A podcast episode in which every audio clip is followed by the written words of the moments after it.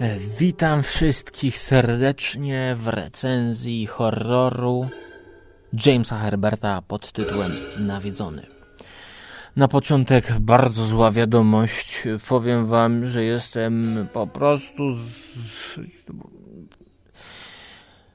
Miałem nagraną całą audycję o tym człowieku tuż po przeczytaniu książki Nawiedzony.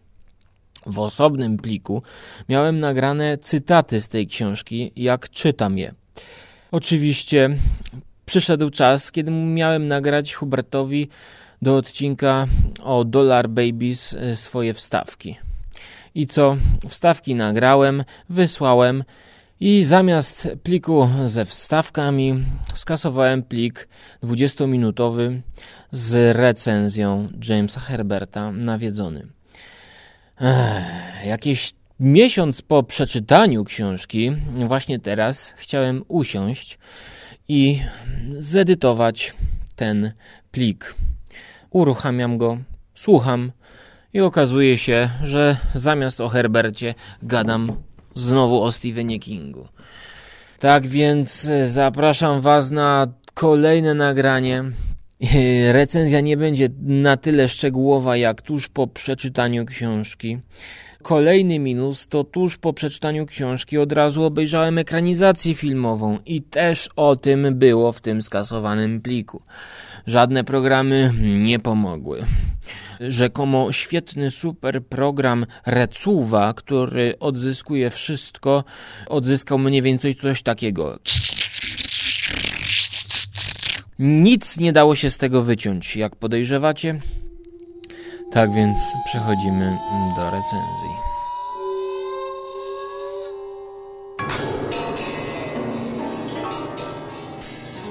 Książka wydana przez Amber Horror w 1991 roku jest e, którąś z książek Jamesa Herberta, brytyjskiego pisarza, którego poleca Stephen King. Stephen King poleca głównie Mgłę, Ocalonego i jeszcze jedną książkę, o której było w oryginalnym nagraniu, ale teraz niestety nie będę po raz kolejny wykonywał tej samej roboty. Przepraszam wszystkich słuchaczy. Powiem wam, że jeszcze mi się przypomniało, że zawsze robię to w ten sposób, że zgrywam z dyktafonu nagrany materiał na dysk i z dyktafonu kasuję go dopiero kiedy materiał zostanie opublikowany, już zmontowany. W tym przypadku akurat właśnie nawiedzonego skasowałem, ponieważ podczas nagrywania e, w terenie, nie pamiętam gdzie, akurat wybrałem właśnie tę pozycję, ponieważ zabrakło mi na dwugigowym dysku, mini dysku miejsca. Ech, dobra, wracamy do nawiedzonego. Postać głównego bohatera, Esha, detektywa, właściwie nie detektywa, specjalisty od spraw paranormalnych, sceptyka, który pracuje w jakimś instytucie, jest, można by powiedzieć, takim wzorcem dla egzorcysty w filmie Ostatni egzorcyzm. On jest sceptykiem i on właściwie wychodzi w teren na każde wezwanie, żeby udowodnić, że to nie jest zjawisko paranormalne.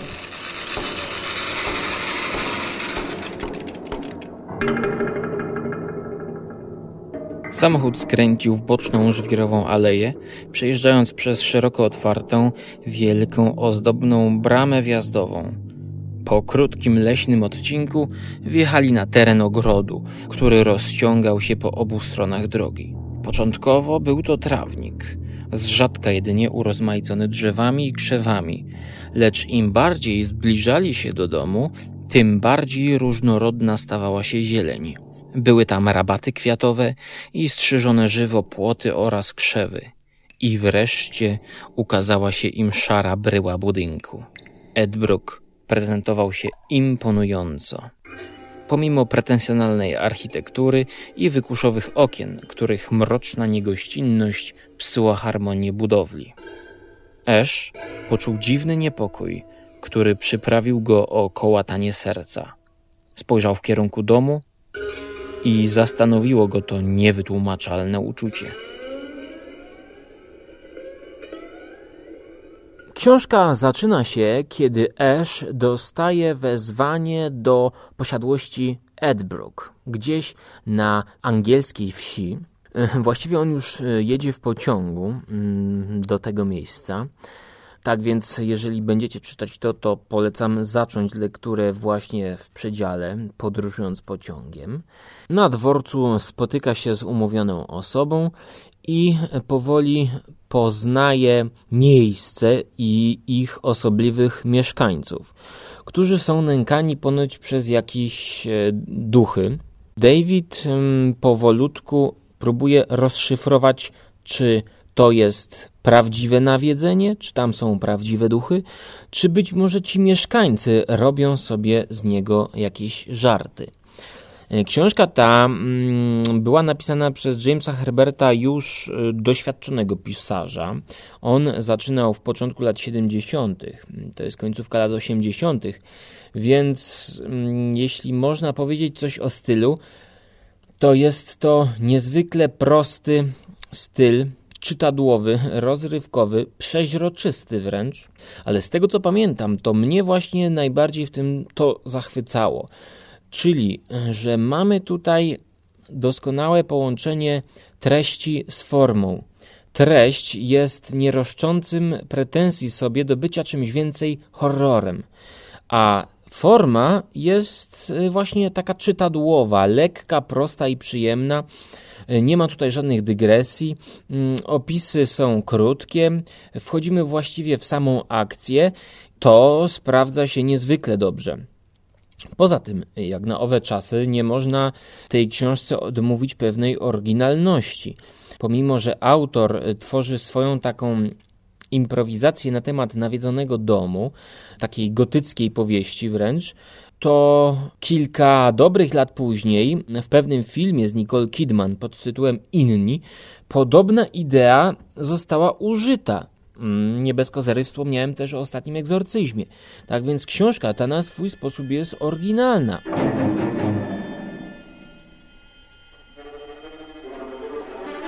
Mamy tutaj też y, takie dwie opowieści w opowieści, które y, no, troszkę zaburzają chronologię, narrację, ale są ciekawostką.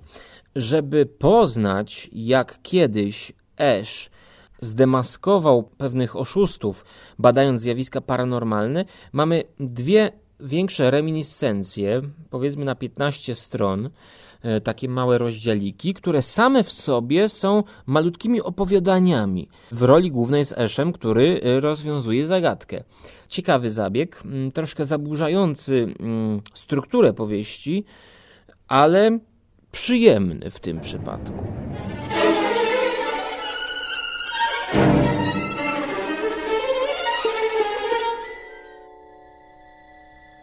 Edbrook panował chłód, który tylko częściowo można było wytłumaczyć porą roku. W niektórych pokojach i korytarzach odczuwało się wilgoć, w innych dominowało uczucie pustki, które wskazywało, że nie były używane od lat. Był to wielki dom i aż miał już doświadczenia związane z podobnymi budowlami. Tego typu domy często bywały bardzo zaniedbane gdyż w przypadku ich dziedziczenia przez młodszych członków rodziny wysoki podatek spadkowy wręcz uniemożliwiał ich właściwe utrzymanie. Po prostu nie wystarczyło już pieniędzy na remonty i opłacanie służby. Prawdopodobnie Edbrook właśnie należał do tej grupy starych rezydencji, której koszty utrzymania przekraczały możliwości obecnych właścicieli.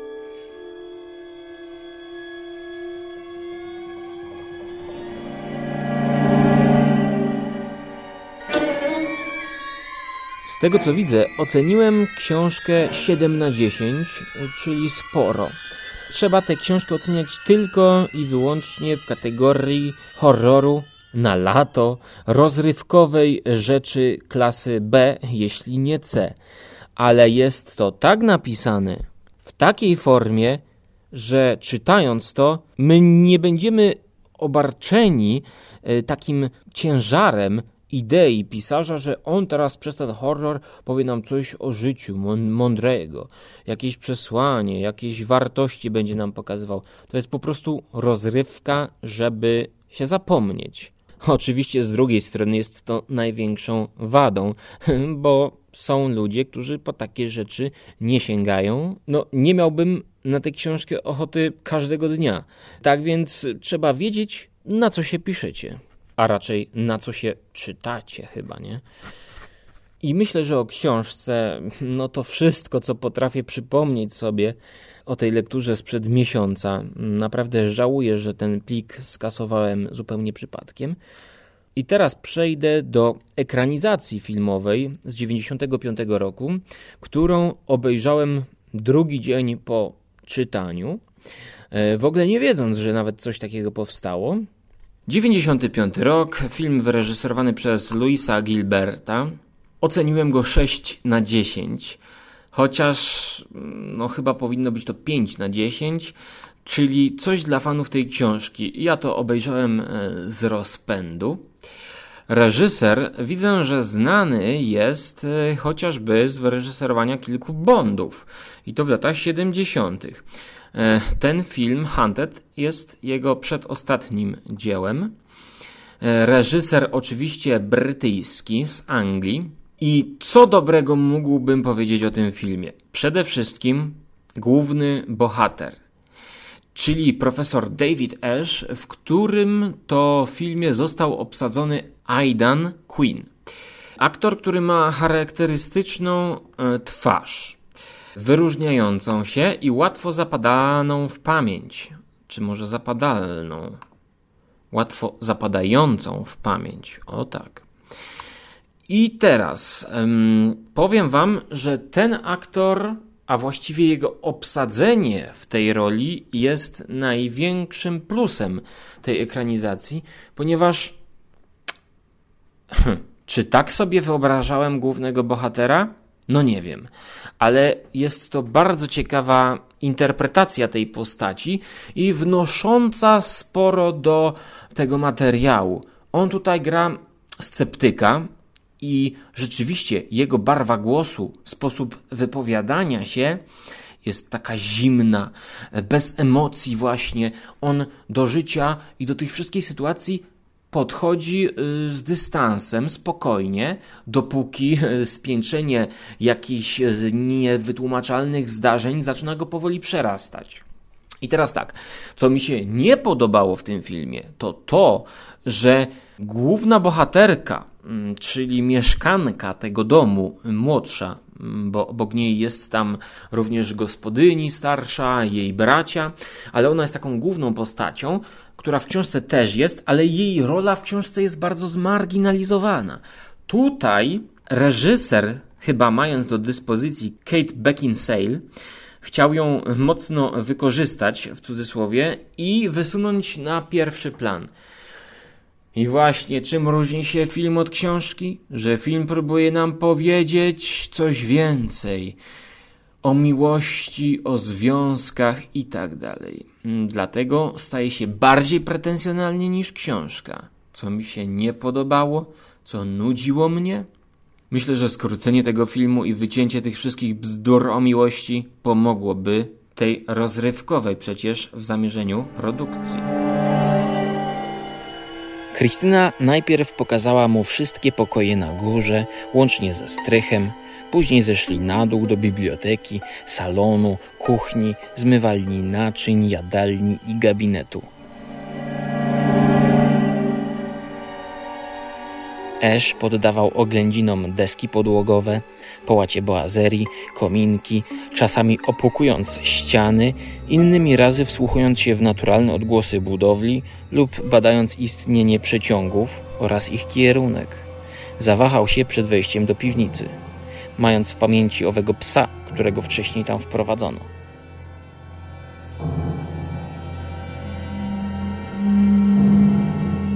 Ale Kristina Schodząc już w dół, wyśmiała jego obawy. Zapewniała, że tropiciel nie zrobi mu krzywdy, chyba że wyczuje zagrożenie z jego strony, a o tym nie może być mowy. Esz podążył za nią, nie do końca jednak wyzbywszy się obaw. Pies zawarczał gdzieś w mroku piwnicy, ale nie pokazał się. I jeszcze jedna pozytywna rzecz, jaką mogę powiedzieć, to iż film ten nakręcony jest w Wielkiej Brytanii. książka była napisana przez Brytyjczyka. Jej akcja była osadzona w, na brytyjskiej wsi w owych dworkach. No Edbrook to jest taka już e, posiadłość chyba z XVIII albo XIX wieku, przełomu. I trzeba powiedzieć, że ten dom, który jest wybrany wraz e, z ogrodem, z parkiem i z przybocznymi terenami wiejskimi jest bardzo dobrą scenografią po prostu. E, no, chyba każdy, kto był e, w Anglii, a właściwie w tych wszystkich podmiejskich terenach, no ja niestety nie byłem, oglądałem sporo filmów dokumentalnych o tamtych terenach, jakichś krajoznawczych, bardzo to lubię, to widać, że po prostu wystarczy postawić kamerę w odpowiednim miejscu i klimat sam wchodzi na ekran e, i na taśmę kamery. Tak więc tutaj bardzo dobrze to współgra z treścią książki, z fabułą. E, tworzy się piękna atmosfera. E, film no, jest do obejrzenia, ale nie warto tracić sobie tej książki. E, czyli nie warto oglądać samego filmu, żeby po prostu poznać się fabułę, bo ona nie jest jakoś bardzo innowacyjna, oprócz tych elementów, o których powiedziałem, czyli ostatni egzorcyzm, ten sceptyk David Ash i rozwiązanie filmu Inni. Tak więc nic więcej nie będę zdradzał. I powiem Wam, że właśnie przypomniało mi się, jak zakończyłem tamtą produkcję podcastową. Otóż mówiłem coś takiego. To na tyle w kwestii nawiedzonego, bo kiedy spoglądam na swoją półkę z książkami, to widzę, że zachodzi mgłą. Już zakupiona stoi na mojej półce, obok Ocalony, którego Stephen King też poleca, a drogą pocztową zmierza Dom Czarów. Jeszcze widzę, Księżyc jest. No, kupiłem cztery książki tego autora. Myślę, że w jakimś czasie dłuższym je przeczytam. Teraz y, zamierzam przeczytać Dom Czarów, a pod koniec y, wakacji zajmę się mgłą, która nie ma nic wspólnego z filmem Johna Carpentera i którą Stephen King bardzo wychwala, tak więc podejrzewam, że może być gratka. No i mniej więcej coś takiego to było. Bardziej to było treściwe, zwięzłe i przemyślane. Niebawem wyjeżdżam gdzieś w takie tereny wiejskie i w książce Dom Czarów też jest taka sytuacja, że mężczyzny z kobietą wyjeżdża właśnie na wieś, prowadzić życie z daleka od miasta i tam właśnie coś dzieje się w lesie. Niepokojącego, jakaś sekta, nie wiadomo co.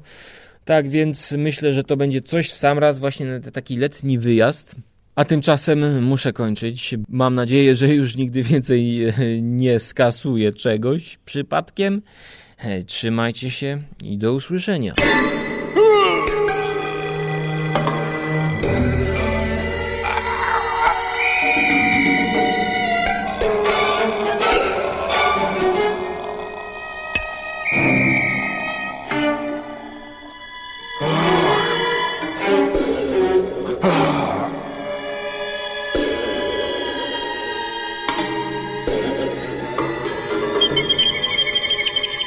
Dojechała do właściwego zjazdu z autostrady. Włączyła kierunkowskaz i chwilę później odetchnęła z ulgą na myśl, że wreszcie pozostawiła za sobą zatłoczoną pędzącymi pojazdami autostradę i odtąd poruszać będzie się spokojnymi, wiejskimi drogami. Jechała teraz dużo wolniej, mijając po drodze miasteczka i wioski, z przyjemnością kontemplując uroki okolicznych pól oraz łagodnych wzgórz. Zapadał zmierzch i w oknach mijanych domów zaczęły zapalać się pierwsze światła.